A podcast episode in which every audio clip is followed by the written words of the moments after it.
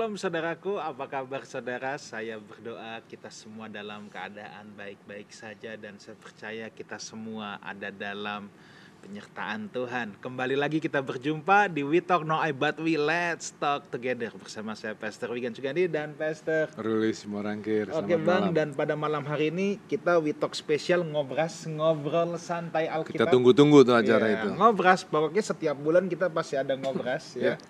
Kita mau belajar satu persatu kitab dan hari ini giliran kitab bilangan. Oke. Okay. Dan tentunya kita ditemani oleh seorang um, pengajar yang memiliki karunia mengajar hmm. sangat hebat lah bang. Hmm.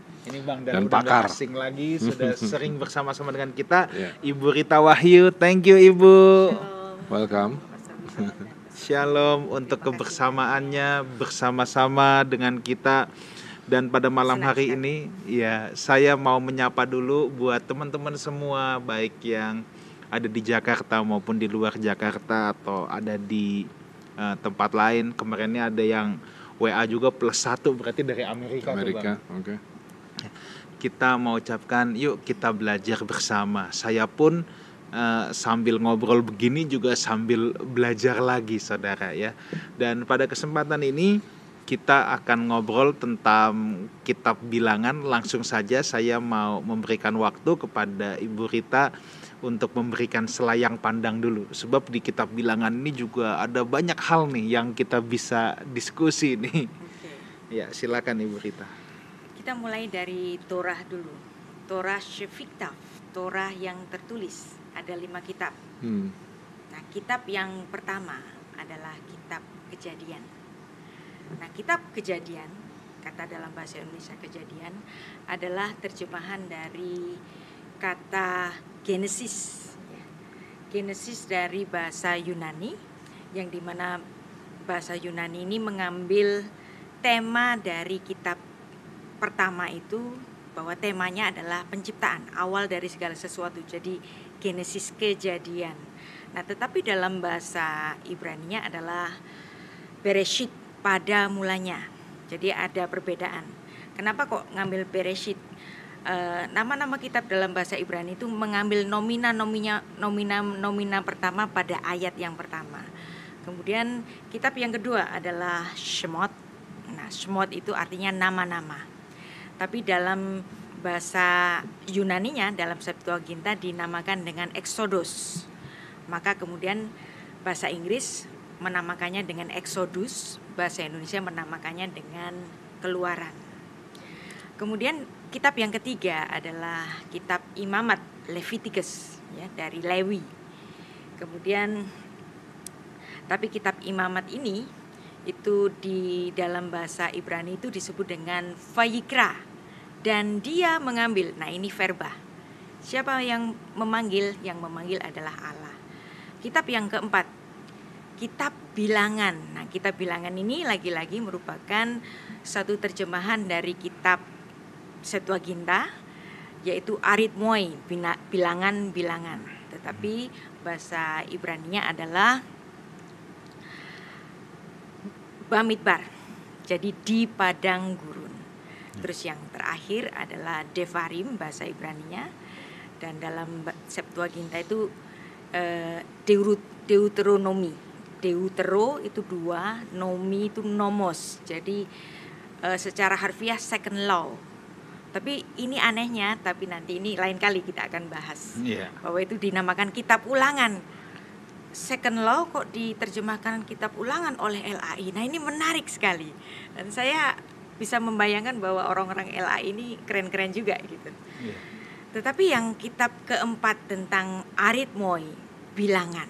Kenapa dikatakan sebagai bilangan? Tapi Tentu saja kitab bilangan ini tidak hanya bicara tentang bilangan yang merupakan hasil dari sensus, tetapi juga membahas banyak kisah-kisah ya misalnya ini adalah kisah yang di mana orang Israel itu melakukan perjalanan-perjalanan dan dicatat di situ ada sensus, ada pemberontakan orang-orang Israel dari Bani Korah melawan kepemimpinan Musa, ada pemberontakan dari saudaranya sendiri, yaitu Miriam dan Harun ada juga uh, peninggian ular di padang gurun, orang-orang yang mati karena dipatok ular, dan kemudian ada juga formula berkat yang di mana formula berkat itu harus dihafalkan oleh semua gembala-gembala dan itu adalah sedikit highlight dari kitab bilangan dan tentu saja ada pertanyaan iya. kenapa yeah. bilangan tapi tampaknya itu kita kita simpen dulu kita hmm. mungkin bicara yang lain dulu silakan yeah. pak justru kita mau nanya dulu nih bu okay. ya. kan tadi dikatakan dalam bahasa Ibrani uh, apa tadi bu bar bamidbar ya di padang gurun ya di padang gurun ya kok kayaknya jauh banget bu sampai di kitab dalam bahasa Inggris numbers hmm. dalam bahasa Indonesia bilangan ini nih jauh banget loh ya. dari padang gurun jadi ya. bilangan ya. bu karena uh, Alkitab dalam bahasa Ibrani itu mengambil nomina yang pertama bilangan satu ayat satu yang di mana ada nomina itu apa sih bu?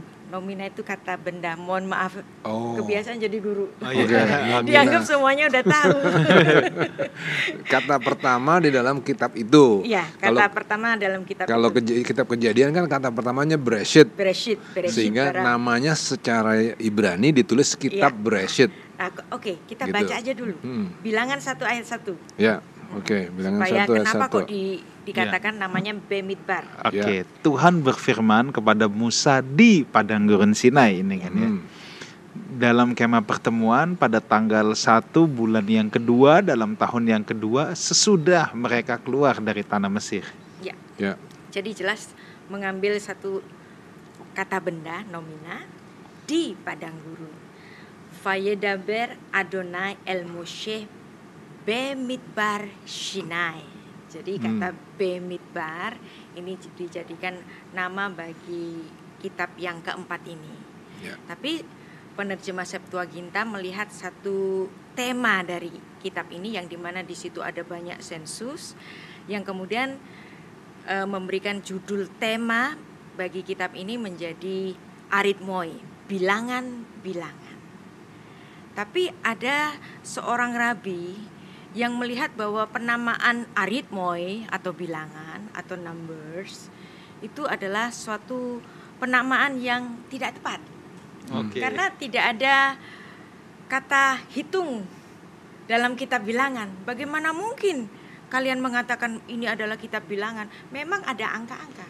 Yeah. Tapi kata menghitung itu nggak ada. Nah, yang berpendapat demikian adalah seorang rabi Rabbi Jonathan Sachs ini bukunya dan itu menarik sekali. Dan kita melihat bahwa Allah adalah sungguh pribadi sebagai panutan kita.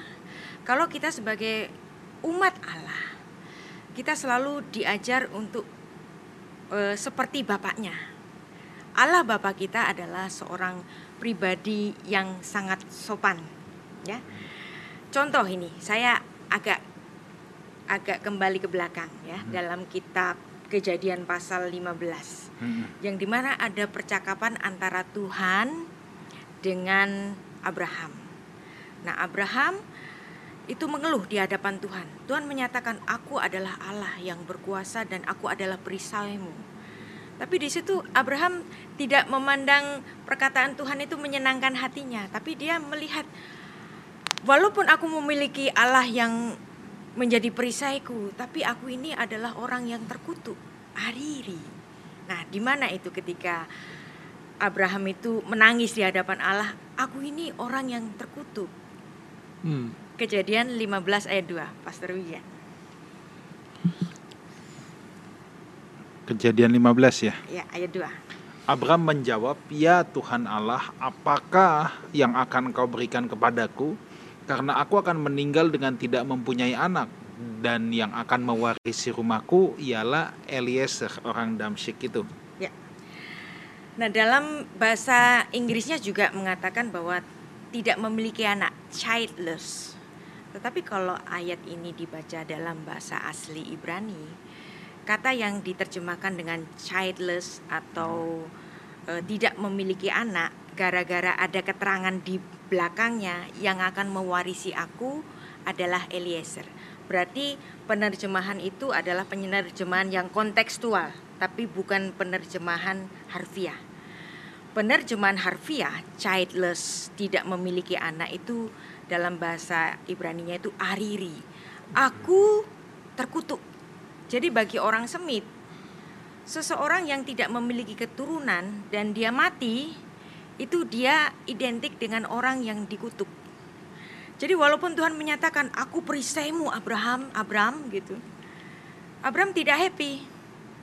Aku orang terkutuk karena aku mati tanpa anak dan yang mewarisiku adalah Eliezer. Dan melihat seperti ini, kemudian diteruskan dengan ayat ketiga, Pastor Wigan. Lagi kata Abraham, engkau tidak memberikan kepadaku keturunan, sehingga seorang hambaku nanti menjadi ahli warisku. Ayat 4. Tetapi datanglah firman Tuhan kepadanya demikian, orang ini tidak akan menjadi ahli warismu, melainkan anak kandungmu dialah yang akan menjadi ahli warismu. Ayat 5, menarik. Lalu Tuhan membawa Abraham keluar serta berfirman, coba lihat ke langit, hitunglah bintang-bintang. Jika engkau dapat menghitungnya, maka firmannya kepadanya, demikianlah banyaknya nanti keturunanmu. Ya. Hmm. Ketika Allah menyatakan kekuasaannya di hadapan Abraham dan dia menyatakan dia adalah perisaian, per, perisainya dan Abraham tidak happy melihat itu, seharusnya Tuhan marah dong. Iya dong. Aku menyatakan aku melindungimu, aku perisaimu, kok kamu nggak happy sih? Kamu kok ngurusin kamu sendiri sih? Kamu mengatakan bahwa kamu adalah orang yang terkutuk nggak punya anak, kok kamu mikirin dirimu sendiri? Nah, itu bagi Tuhan itu Tuhan bisa mengerti kesedihan Abraham ini karena di masyarakat Semit nggak punya anak itu sama dengan terkutuk. Maka kemudian Tuhan mencoba menenangkan hati Abraham ini. Yang dikatakan oleh Tuhan ini sangat menarik sekali dan sangat sopan. Bahasa Indonesia menulis coba lihat ke langit. Seperti hmm. seorang bapak kepada anaknya yang kecil itu ya. Nah bahasa Inggris juga nulis look forward. Tapi ini bukan terjemahan yang harfiah. Terjemahan harfiahnya aduh keren sekali dan kita bisa melihat bahwa Tuhan itu sangat sopan kepada Abraham. Hmm. Abraham aku mohon kamu lihat ke langit. Ini, ini dia penguasa segala semesta ya. ya? Jadi Anda hmm. bisa membayangkan bahwa Tuhan itu raja semesta, melek haolam. Hmm. Ketika melihat komplain dari Abraham, Tuhan bilang begini, please deh, aku mohon kamu lihat ke langit. Habet na hasyamaimah. Nah, na itu adalah sebuah interjection kalau Anda mempelajari ilmu linguistik, interjection itu adalah permohonan Tuhan kepada Abraham. Coba kamu lihat ke langit. Aku hmm. mohon kamu lihat ke langit. Hitung itu. Kamu nggak bisa hitung kan? Nah nanti itulah yang akan menjadi keturunanmu. Ya. Nah Abraham mendengar itu, kok bisa-bisanya sih Tuhan itu memohon kepadaku untuk memandang ke langit. Jadi dengan dia mengerti mendengar suara Tuhan yang demikian indah, dia langsung aja iya aku percaya Tuhan. Nah dari situ kepercayaan Abram ini terbangun. Nah jadi di sini adalah satu bukti yang pertama bahwa Tuhan itu sangat sopan kepada umat ciptaannya sendiri yang sebenarnya debu dan abu, tapi Tuhan itu menganggap Abram itu seperti seorang yang equal dengan dirinya. Hmm. Bicara kalau kita bicara sesama teman, saya selevel dengan Pastor Wigan, saya bicara wajah ke wajah. Hmm. Jadi dia begitu melihat uh, Abraham ini sangat berharga.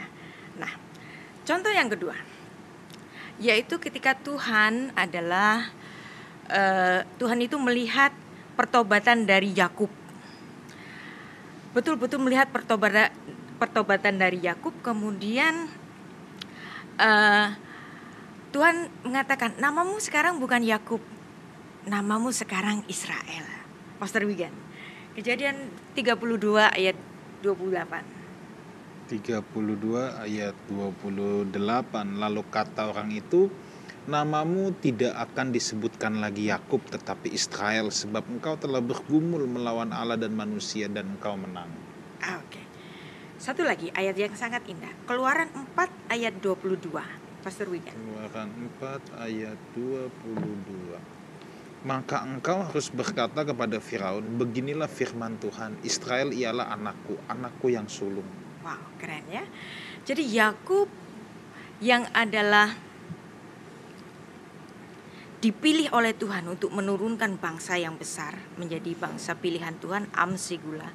Dia tidak dinamakan lagi Yakub, tapi namanya adalah Israel. Israel itu artinya i ya, yod yodnya itu untuk menunjukkan dia laki-laki. Kemudian Sar, ya Sar itu adalah prince. Ada kata Sarah artinya princess. Jadi Sar untuk bentuk laki itu prince. Kemudian ada El. Berarti Tuhan menempatkan Israel sebagai anaknya bahkan anaknya yang sulung. Kalau Tuhan adalah Melek Haolam, Raja semesta. Jadi anak-anaknya ini apa? pangeran dong. Iya. Yeah. Ya kan? Pangeran. Jadi persis seperti nama Israel. Pangerannya Allah. Kalau engkau semuanya umatku ini adalah para pangeran Allah. Di mata Tuhan you're not just a number hmm. for me. Hmm. Jadi Pastor Wigan, hmm. are you a person or a number? person. Person kan? Yeah. Nah, demikianlah Tuhan memandang kita itu sebagai person. Nah, ada kata hitung dalam bahasa bahasa Ibrani itu beberapa kata ada safar ya dari kata e, membentuk kata sofrim menghitung ada kata mene tapi untuk menghitung untuk menyensus orang-orang Israel itu nggak pakai kata hitung. Oke. Okay. apa jadi? Pakainya itu kata sebuah kata yang sangat menarik yaitu apa? Su'u et ros, angkat oh. kepala. Nah, angkat kepala, su'u et ros ini adalah sebuah uh, kata idiom yang nggak bisa diartikan secara harfiah, ya kan? Jadi harus diartikan secara makna bahwa itu yang dimaksud adalah cara menghitung. Jadi ketika menghitung orang-orang Israel, Tuhan nggak pakai cara hitung matematika, Tuhan tidak memakai cara hitung angka-angka, tetapi hmm. mengangkat kepala karena kepala yang terangkat adalah kepala-kepala dari anak-anakku. Nah, hmm. hari ini sensus sensus dunia ya. Jumlah penduduk dunia itu pada tahun ini kira-kira 7,9 miliar. 1,7-nya dari China. Hmm. Ya 900 jutanya dari Brasil, terus kemudian India, Amerika, Indonesia mungkin nomor 5 ya. Semua bicara mengenai number. Tidak ada istilah dalam bahasa mana pun yang membedakan e, menghitung angka dengan menghitung orang. Tetapi dalam hmm. bahasa Ibrani ada perbedaan menghitung angka dan menghitung orang. Untuk menghitung orang memakai seu etros angkatlah kepala mereka. Hmm. Aku mau tahu jumlahnya. Nah, jadi sebenarnya istilah bilangan atau numbers atau aritmoi itu tidak cocok dengan tema yang menempatkan bahwa anak-anak Tuhan itu adalah para pangeran-pangeran Tuhan. Begitu. Waduh. Waduh, ini baru baru di awalnya aja ternyata udah keren banget ya. Jadi di situ mau disampaikan bahwa sebetulnya nama nama nama bilangan itu kurang cocok. Karena itu terjemahan kata, yang salah. Salah terjemahannya itu karena ternyata hitung di situ tuh bukan sekedar hitung angka. Ah, kalau ngitung angka ya, lu nomor dua yeah. delapan berapa? Lu nomor berapa kan? Gue nomor berapa kan? Jadi yeah. people are just numbers kan nggak yeah. keren kan? Uh, Padahal, kalau uh, anda generasi dengan saya ada lagunya Tutu. Dia suka sama perempuan, huh? tapi perempuan itu nggak dikasih namanya, tapi dia kasih, kasih nama 99. Ingat nggak lagi? Iya iya tahu tahu. Jadi people are not people are not just numbers, yes. kan? Kenapa people are not just numbers? Because karena Allah sangat sopan. Iya. Ya kan dia, dia menempatkan manusia itu bukan sejumlah angka, tapi sebagai Prince and Princess. Bang, aplikasinya nih bang. Apli aplikasinya hmm. untuk hmm. kita hmm. hari ini. Ini baru pembukaannya udah ada yeah. aplikasi ya keren kan? Aplikasinya adalah hmm. dari apa yang Ibu Rita paparkan hmm. tadi. Kita gereja sering kali tanpa sadar yeah. we see people as numbers. numbers. Yeah. Kita hanya senang melihat orang banyak yang datang. Aduh. Kita hmm. hanya senang lihat bangkunya penuh. Hmm tapi sekarang jadi pertanyaan kita, apakah kita betul-betul melihat mereka as a people? Betul. As Betul. a people of God bukan hanya sekedar uh, untuk manasin bangku gereja, hmm Tapi apakah kita melihat mereka sebagai pangeran-pangerannya Tuhan? Wah ini boleh nggak saya juga? ya. ayo dong, ayo dong. saya diberkati banget. Jadi baru pembukaannya kita udah happy banget. Kalau saya ngeliatnya begini, lanjutin Pastor Wigan ya, jangan melihat jemaat itu hanya sebagai angka, tapi hitunglah. Artinya bawalah supaya mukanya terangkat, yeah. supaya mereka happy yeah. dengan keberadaan mereka di tempat kita, dipenuhi dengan firman Tuhan, dilayani dengan baik, dibimbing dengan baik, yeah. bikin mereka terangkat, supaya mereka sadar bahwa mereka adalah putra putra prince dari yang maha iya. tinggi. Jadi ini bukannya berarti tidak boleh menghitung jumlah kehadiran ya. ya bukan. Bukan itu tentunya saudara ya. Tetapi nafasnya adalah kita harus melihat mereka sebagai uh, domba Tuhan yang Tuhan percayakan untuk kita gembalakan, untuk kita rawat, untuk kita kasih makan, untuk kita didik, bukan hmm. sekedar numbers. Ya. Satu lagi boleh nggak? ayo bang, ayo bang. Saya dapetin gini juga kalau Allah adalah pribadi yang begitu sopan untuk bicara, dia bilang, "Mau please, mohon, kau lihatlah ke atas." Luar biasa kan? Yeah. Kalau Allah pribadi yang seperti itu, dia merindukan supaya kita menjadi serupa dengan dia, maka ayo dong praktekin. Kita harus sopan bahkan kepada orang yang bawahan kita. Yes. Ya kan? Kepada bawahan kita, kita juga harus sopan kepada anak kita. Orang tua boleh marah, yeah. tapi tetap marah dengan sopan. Marah bukan dengan ngeluarin kalimat-kalimat yang mem membunuh jiwa anak itu, itu nggak sopan. Marah karena ngamuk itu nggak sopan. Marah harus karena mendidik. Yeah. Kalau Tuhan sangat sopan, kita harus juga sangat sopan. Oke, Bapak Ibu Saudara sekalian, bagi yang ingin bertanya, jangan bertanya di kolom YouTube, tetapi ada nomor WhatsApp di layar saudara. Saudara bisa WhatsApp ke nomor itu karena ini ada beberapa pertanyaan kayaknya ada di layar live chat YouTube ya, tetapi sekali lagi saudara WhatsApp ke nomor yang ada di layar kaca saudara hmm. ya. Nah, oke, okay, kita mau teruskan Oke. Okay. Ya, jadi kita sudah dapatkan satu insight bahwa perhitungan angka dalam Alkitab itu uh, tidak bahwa jiwa manusia itu not the matter of numbers, hmm. tapi terlebih dari keberdayaan uh, keberadaan manusia itu sendiri. Nah, di Alkitab betul-betul ada yang namanya menghitung orang. Ya, itu ada dalam 2 Samuel 24 ayat 1. Oh iya, ini yang di mana saat itu Daud pada puncak kejayaan kejayaannya, dia ingin menghitung menghitung jumlah dari penduduk yang ada di dalam kekuasaannya. Eh. Dan itu dibiarkan Tuhan. Hmm. Bahkan dipersuasi, ya. Dan ketika Daud menghitung dari jumlah penduduknya itu, kata yang dipakai itu bukan seu etros, angkat kepala, oh, iya. tetapi betul-betul menggunakan kata hitung, mene. Oke. Okay. Ya, hmm. ketika Daud untuk kekuasaan dirinya, untuk kesombongannya, Alkitab menulis dengan kata hitung, the matter of number.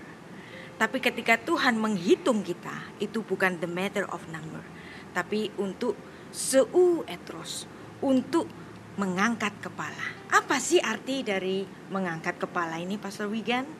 Nah, itu ada di dalam Mazmur 27 ayat 6. Oke, coba. Mazmur 27 ya. Ayat 6.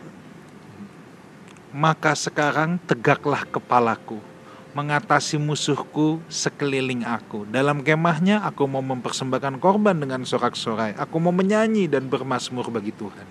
Jadi apa maksud dari orang-orang yang tegak kepalanya? Adalah orang-orang yang menang dari musuh-musuhnya. Dan kemudian ada orang yang bersorak-sorai. Ada kebahagiaan di situ, ada riang-ria di situ, ada nyanyian di situ, ada pujian bagi Tuhan. Nah, itu adalah orang-orang yang diangkat kepalanya oleh Tuhan. Nah, nggak usah kita bicara tentang apa yang ada di Alkitab dalam gambar-gambar sekuler pun, dalam gambar-gambar history, misalnya kalau ada gambar Julius Caesar, nggak ada Julius Caesar itu yang patungnya itu menunduk, tetapi kepalanya terangkat. Mm-hmm. Nah, karena kepala yang terangkat adalah orang yang menang melawan musuhnya. Wah, luar biasa sekali. Nah, saudara, ya kalau yang mau nanya, ya ini ada banyak kisah kisah-kisah menarik di kitab bilangan, tapi kita nggak mungkin membahas satu persatu. Tapi kalau saudara tanya, nanti kita akan bahas glimpse. Nah, Ibu Rita, saya mau masuk ke bilangan pasal yang ke-6 nih. Nah, okay. ini yang udah ayat langganan nih ya. Mm -hmm. Ayat langganan doa berkat. Nih. Iya. Nah, coba ya saya akan bacakan. Tuhan berfirman kepada Musa, "Berbicaralah kepada Harun dan anak-anaknya. Beginilah kamu harus memberkati orang Israel. Katakanlah kepada mereka, Tuhan memberkati engkau dan melindungi engkau. Tuhan menyinari engkau dengan wajahnya dan memberi engkau kasih karunia. Tuhan menghadapkan wajahnya kepadamu dan memberi engkau damai sejahtera.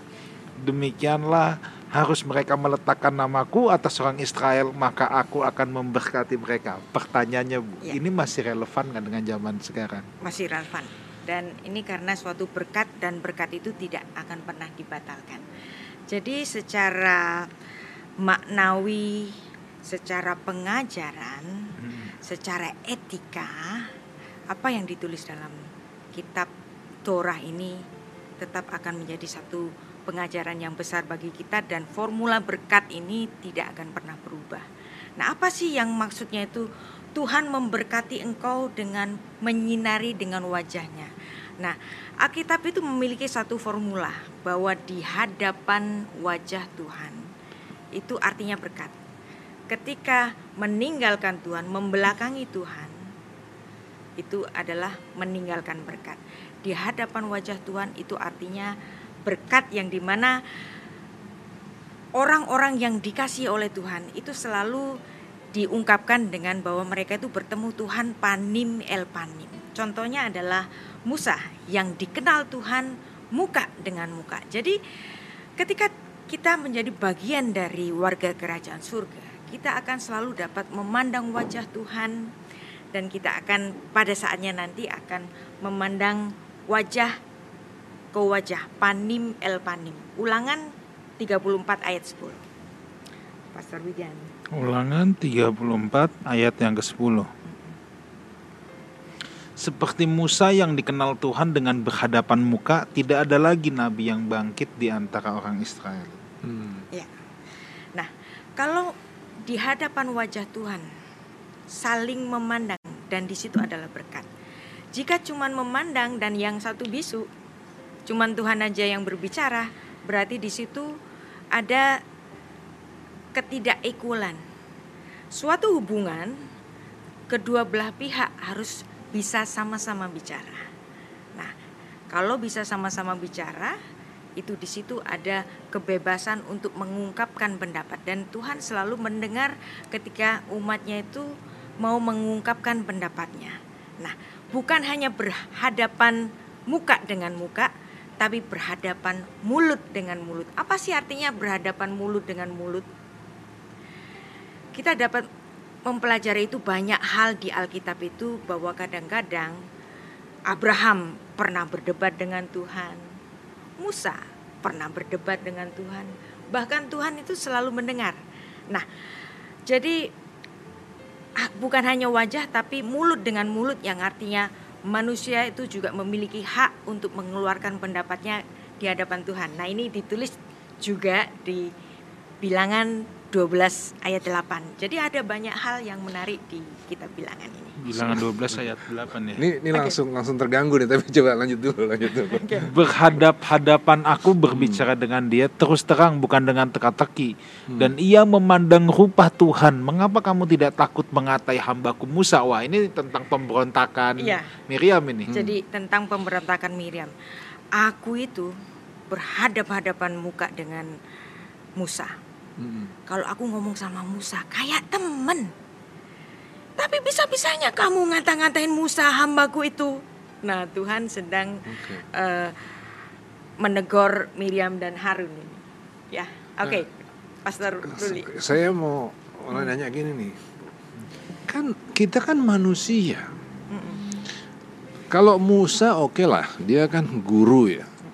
Nah kita nih di Indonesia ini kan bukan siapa-siapa apa memang kita ini juga dianggap berhadapan muka dengan muka sama Tuhan, bahkan berhadapan bibir dengan bibir, mulut dengan mulut sama Tuhan? Pantas nggak kita ngomong begitu? Ya. Uh, kejadian 1 ayat 26 hmm. itu adalah mula pertama Allah menciptakan manusia yang di mana saat itu hmm. belum ada pembagian bangsa-bangsa, belum ada pembagian bahasa-bahasa yang di mana penciptaan Adam itu adalah juga merupakan cikal bakal dari kita semua. Hmm. Di situ Tuhan mengatakan, "Baiklah kita menjadikan manusia menurut gambar dan muka kita." Bahkan di kitab Mazmur mengatakan kita diciptakan hampir seperti Allah. Nah, kalau kita diciptakan hampir seperti Allah, Artinya memang Tuhan itu menempatkan manusia itu memiliki kemuliaan. Jadi kita itu bisa bicara panim el panim seperti kepada temannya. Kalau saya berteman sama Pastor Wigan, yeah. ini kan kita lagi ngomong serius nih. Hmm. Kalau enggak ya lulu gue gue kan. Hmm, iya, iya. saya bisa ngomong salah lu gitu kan. Yeah. Nah itu adalah pembicaraan teman antar teman, yang di mana Tuhan justru menempatkan kita setara dengan dirinya ketika berbicara wajah ke wajah, yeah. mulut ke mulut. Hmm. Bahkan Abraham bisa mengoreksi Tuhan, Musa bisa mengoreksi Tuhan dan itu menarik sekali. Hmm. Oke. Okay. Jadi jangan jadi jangan dilihat pakai kacamata uh, etika kita ya, mm-hmm. ungguh-ungguh kita itu jangan mm-hmm. dari situ. Kita harus kembali kepada makna yang didapat di dalam Alkitab. Ya. Jadi, Bahkan gitu ya. Tuhan bisa memohon kepada kita, ya. mohon Abraham lihat ke langit. Oke, okay.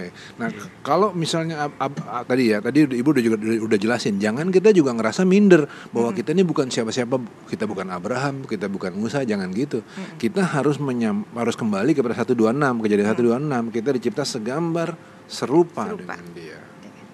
Ya, Oke, okay, okay. Bu, thank you. Uh, bang, ini hmm. sambil kita jawab pertanyaan karena ini sudah banyak pertanyaan yang masuk, tetapi hmm. pertanyaan yang kebetulan lagi kita omongin okay. topiknya, jadi saya duluin Ambil, ya, ya, supaya hmm. tidak loncat-loncat. Bu, ini yang pertama, bagaimana dengan anggapan bahwa bilangan 62324 tadi hmm. yang ucapan berkat itu hmm. ini hanya milik atau untuk orang Israel saja sehingga hmm. harus diucapkan dahulu untuk orang Israel baru kemudian untuk orang percaya. Apakah ya. benar demikian okay. katanya? Uh, penempatan the chosen people hmm. memang pada awalnya dikenakan kepada orang Israel saja. Tetapi kalau Anda membaca dalam kitab perjanjian baru bahwa the chosen people, the chosen people itu bahasa Ibrani-nya itu adalah am segula. Yeah. Ya. Uh, Rasul Petrus mengatakan ada lagunya nih. 1 Petrus 2 ayat 9. Pastor Wigan. 1 Petrus 2 ayat 9. Kamulah bangsa yang terpilih itu, iya. imamat yeah. yang kajani. Yeah, Tetapi kamulah bangsa yang terpilih, imamat yang kajani, bangsa yang kudus, umat kepunyaan Allah sendiri supaya kamu memberitakan perbuatan-perbuatan yang besar dari Dia yang telah memanggil kamu keluar dari kegelapan kepada terangnya yang ajaib. Yeah. Jadi memang Tuhan menempatkan Israel itu sebagai anaknya yang sulung. Tapi di perjanjian baru, Anda ingat ada satu kali Rasul Paulus itu mengatakan, kita juga orang-orang goyim, orang-orang non-Israel, itu juga menjadi anak-anak Allah dengan cara apa? Adopsi. Jadi yang artinya ketika orang yang diadopsi untuk menjadi anak Tuhan ini, dia pada saatnya juga akan mendapatkan berkat yang sama equal dengan bangsa yang sudah dipilihnya dan itu dikonfirmasi oleh Rasul Petrus dalam 1 Petrus 2 ayat 9. Hmm. Kamulah bangsa yang terpilih, imamat rajani bangsa yang kudus, umat kepunyaan Allah. Jadi gelar itu juga diberikan kepada umat percaya. Yeah. Pastor Oke, nah ini ada satu pertanyaan lagi nih Bu. 1 Yohanes 4 ayat 12 Tidak ada seorang pun yang pernah melihat Allah Jika kita saling mengasihi Allah tetap di dalam kita dan kasihnya sempurna di dalam kita Pertanyaannya Bagaimana Musa bisa dikatakan bertemu muka dengan muka Karena menurut 1 Yohanes 4 ayat 12 Tidak ada seorang pun yang pernah melihat okay. Allah Tidak dapat uh, Begini Musa itu benar-benar melihat Allah. Hmm. Dengan cara apa? Pada saat itu ada yang namanya dalam ilmu teologi itu disebut dengan teofani. Yeah. Ya. Yeah. Teofani itu adalah penjelmaan Allah di dalam perjanjian lama melalui malah Adonai. Jadi malaikat T U H A N besar-besar ini itulah yang dapat dilihat oleh Musa. Yeah. Nah, dengan cara itu Musa berhadapan dengan Allah dengan cara teofaninya ini seperti kepada temannya. Tapi Musa tahu ya bahwa dalam teofaninya itu itu sebenarnya bukan Allah yang sebenarnya, bukan keberadaan Allah yang sebenarnya. Ada satu kali Musa itu bertanya, "Tunjukkan kemuliaanmu kepadaku." Nah, Kemuliaan dari sisi manusia itu apa? Apa bagian dari tubuh kita itu yang paling mulia? Wajah kita. Yeah. Jadi Musa itu minta, aku ingin melihat wajahmu yang sebenarnya. Tapi Tuhan berkata apa? Kamu nggak bisa lihat wajahku. Kalau kamu lihat wajahku, kamu nanti mati. Tapi di situ ada ceruk gunung. Bersembunyilah di situ nanti aku akan memperlihatkan punggungku. Nah, jadi Alkitab ketika mengatakan panim el panim itu adalah betul-betul melihat wajah Allah hmm. dalam bentuk rupa teofani atau disebut juga dalam e, bahasa teologis itu dengan kristofani, penampakan Kristus di dalam perjanjian lama. Itu. Oke. Okay. Jadi kalau gitu sebenarnya jawabannya ada dua. Ibu udah jelasin dua hal. Satu bahwa Musa ketemu betulan dengan Allah. Itu terjadi. Itu fakta. Dan yang kedua berhadapan muka dengan Musa itu juga adalah suatu apa idiom. Idiom. Iya. Kedekatan. Ada ya kedekatan menggambarkan kedekatan ke kedekatan. Gitu ya. Jadi ada dua makna ya. Betul. ya. Oke. Nah, ini ada pertanyaan lagi nih. Hmm. Shalom mau bertanya Kenapa kalau bilangan satu jika dihitung secara kalkulator itu ada selisih? Saya belum pernah hitung sih Bang jujur ini. Uh, 600 ribu selisih ya? mengenai uh, eh, 600 berapa orang itu kan? Iya. Nah, exactly-nya iya. itu sebenarnya masuk ke angka sebentar. Saya ada catatan ini. Exactly angka exactly. Tunggu tunggu. Ya.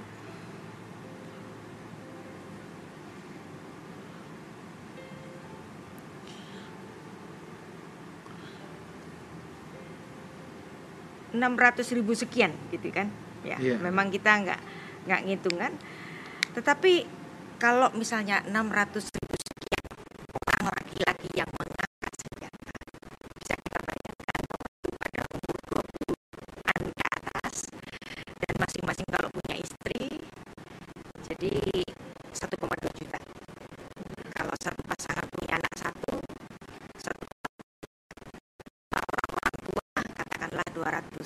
ribuan jadi 2 juta. Jadi perkiraan hasil sensus yang ada di kitab bilangan itu memang betul mendekati angka 2 juta. Kalaupun ada selisih, tentu saja ada selisih. Ya. Hmm. Oke. Okay. Bang, kita terus ke pertanyaan sambil ya. membahas nih ya, Bang ya. ya, ya.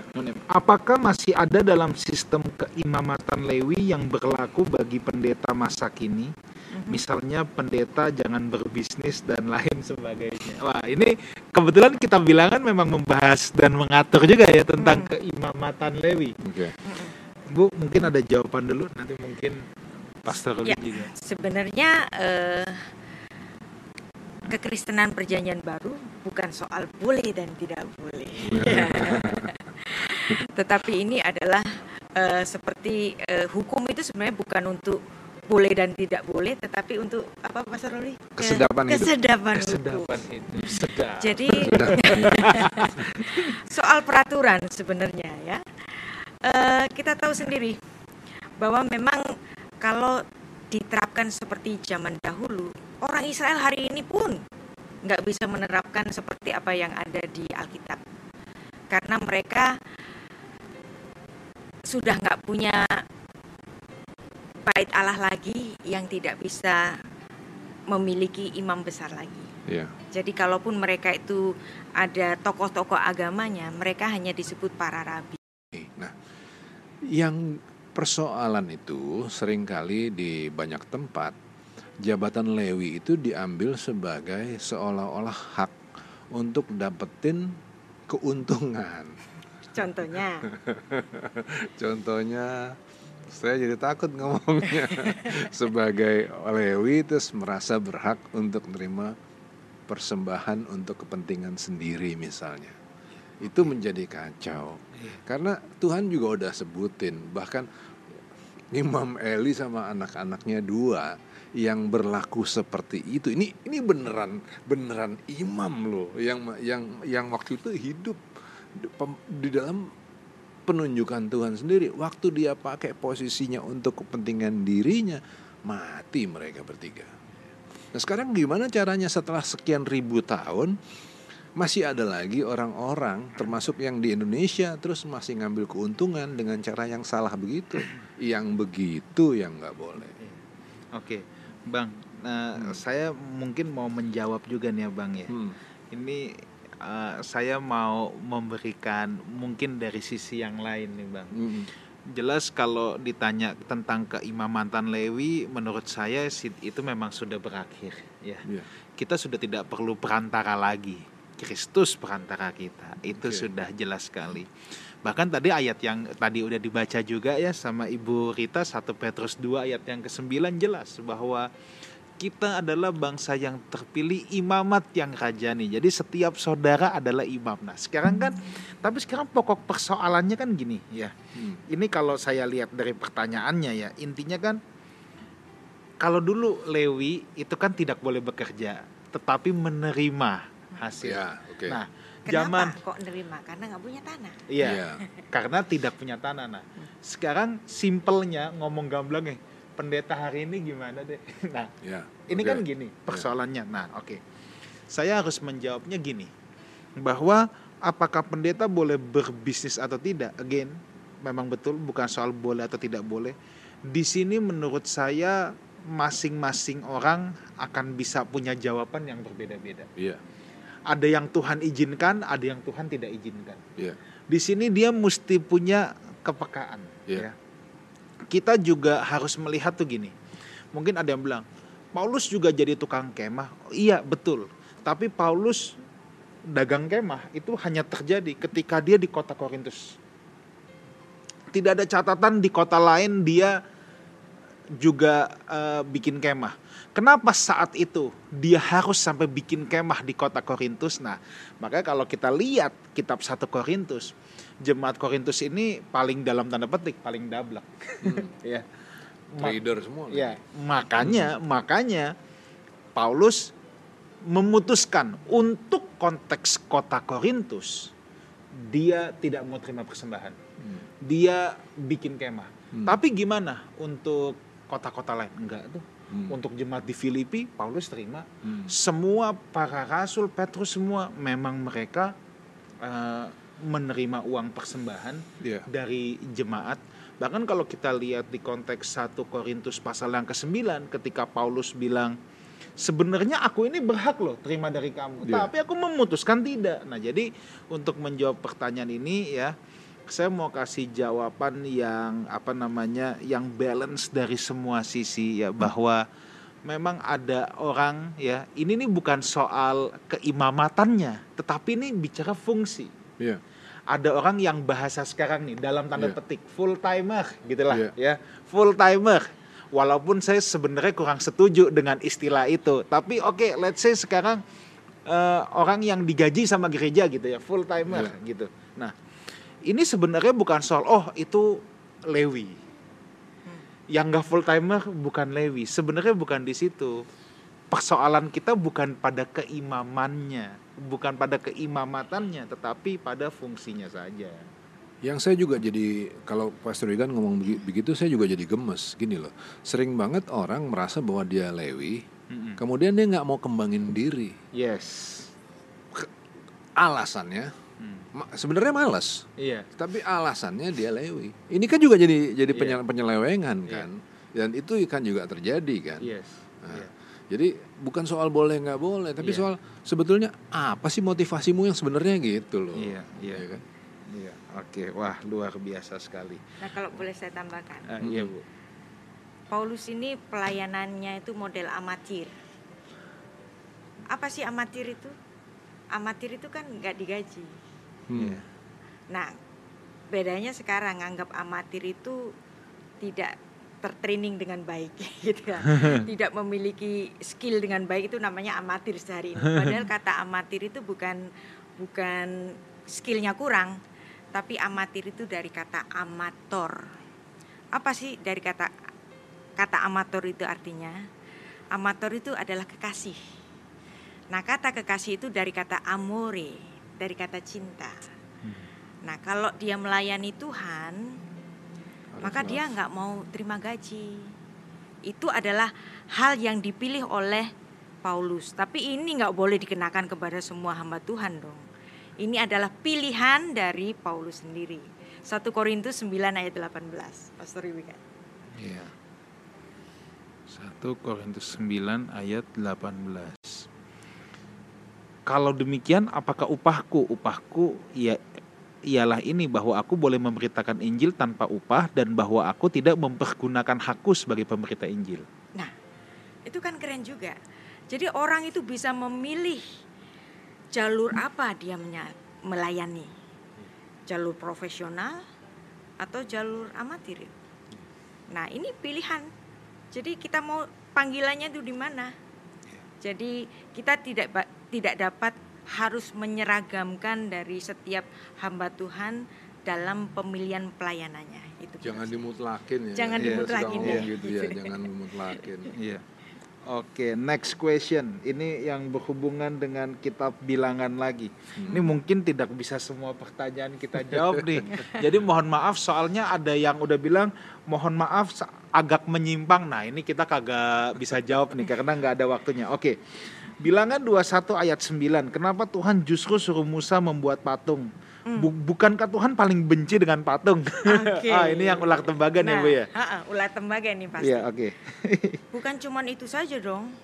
Ketika Tuhan itu menyuruh Musa membuat tabut perjanjian, kan dia buatlah patung malaikat yang kerubim yang kepaknya terangkat. Nah, itu kan juga patung.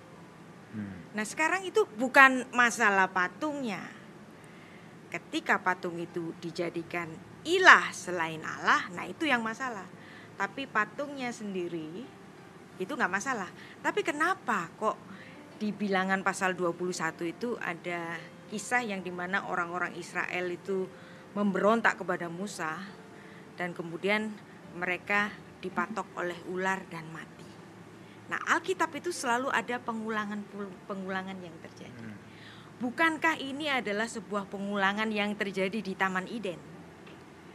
Israel hari ini, hari itu ada di idenya sendiri di padang gurun hmm. yang di mana Tuhan itu memelihara kehidupan mereka dengan adanya mana, tiang api, tiang awan, ada batu yang mengeluarkan air.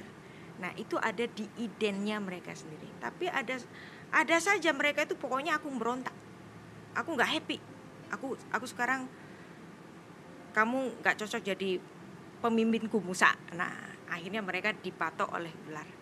Nah ini seperti juga yang terjadi pada Adam ketika dia memberontak kepada Allah. Akhirnya dia dipatok oleh ular dan mati. Jangan kamu makan buahnya darinya. Nah itu siapa yang bicara Tuhan. Tapi kemudian kata-kata itu dibalik oleh iblis, oleh si ular itu. Kamu kalau makan ini, kamu akan menjadi seperti Allah. Nah ketika Adam ingin seperti Allah dan itu suatu pemberontakan. Hasilnya apa? Adam hari itu mati. Nah, mati dipatok ular. Tapi kok Adam waktu itu nggak mati? Karena ada kematian tukar guling di Taman Eden. Sama juga yang di padang gurun ini. Orang-orang yang memandang ular yang ditinggikan oleh Musa ini, memandang dengan iman, lalu mereka dapat sembuh. Tapi kenapa kok sepertinya ini seperti kayak uh, penyembahan kepada patung? Bukan, ini sebenarnya bukan penyembahan kepada patung, tapi ini adalah suatu tipologi yang di mana tipologi itu di perjanjian baru digenapi yang di mana orang-orang ketika melihat musuh si ular itu ada tergantung di kayu itu mereka akan selamat dari kematiannya. Nah, ada satu hal yang menarik antara ular dan pengenapannya oleh Yesus sebagai Sang Mesias. Kata ular dalam bahasa Ibrani itu nahas, ya. Nahas nilai gematriannya itu 358. Sedangkan kata Mesias dalam bahasa Ibrani itu adalah masyah Kata Masyan nilai kematriannya juga 358. Loh kok sama? Nah, jadi Alkitab itu ada banyak makna-makna yang hidden meaning tapi bisa digali dan kalau digali ini luar biasa sekali. Manusia terperdaya oleh ular. Harus ada obatnya. Ya. Ular adalah lambang kutub Yesus mengambil kutub itu. Nah, manusia yang harus mati karena tergoda oleh ular harus ada penyembuhnya Sang Mesias. Jadi ada pengulangan kejadian 3 ayat 15 yang di mana Tuhan bersabda demikian. Aku mengadakan permusuhan antara engkau dan perempuan ini, antara keturunanmu dan keturunan keturunannya akan meremukkan kepalamu dan engkau akan meremukkan tumitnya. Jadi ada permusuhan antara putra dari perempuan ini dan kemudian permusuhan dengan si ular itu. Jadi ini pengulangannya di padang gurun. Penggenapannya di perjanjian baru yang di mana ular disembuhkan dengan Mesias yang nilai kematiannya sama-sama iya. 358. Itu aplikasinya udah seru tuh, udah langsung yeah. seru. Jadi kalau gitu kan kita sebagai orang-orang tebusan yes. kan diharap untuk menjadi serupa dengan Kristus. Keserupaan jadi gampang. Jadilah penawar racun. Ya, penawar racun. Jadilah penawar racun. 358. Ya, ya kan kalau kita sebagai orang tebusan kemudian menjadi racun buat dunia ini, mm -hmm. Ya. Hancur namanya ya kan? ya, jadilah penawar racun. Okay. amin. Mungkin kita hanya bisa bahas satu pertanyaan lagi bu. Okay. bisa dijawab dengan singkat ya ini. Okay. saya mau tanya kenapa di bilangan 12 ayat 11 Harun memanggil Musa dengan panggilan tuanku padahal Musa kan adiknya Harun? Oke. Okay. jadi ini adalah satu uh, authority yang di mana Tuhan memang memilih Musa untuk memimpin bangsa Israel Iya. Jadi itu memang authority. Iya, ini berkenan dengan otoritas ya. ya.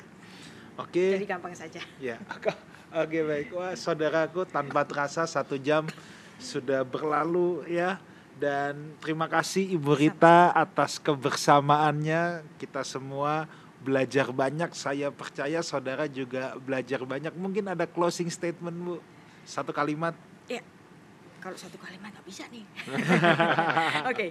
yang pasti kita menemukan ada banyak hidden meaning dalam setiap uh, kitab Torah, yang di mana kitab Torah itu adalah sebuah buku filsafat sekaligus buku iman, dan kita mendapatkan cara-cara berpikir, insights, juga kebenaran-kebenaran rohani yang ada di dalamnya, termasuk di kitab bilangan ini yang di mana Tuhan menempatkan kita sebagai princess dan prince bagi dia dan kita bukan sekedar hitungan nambah.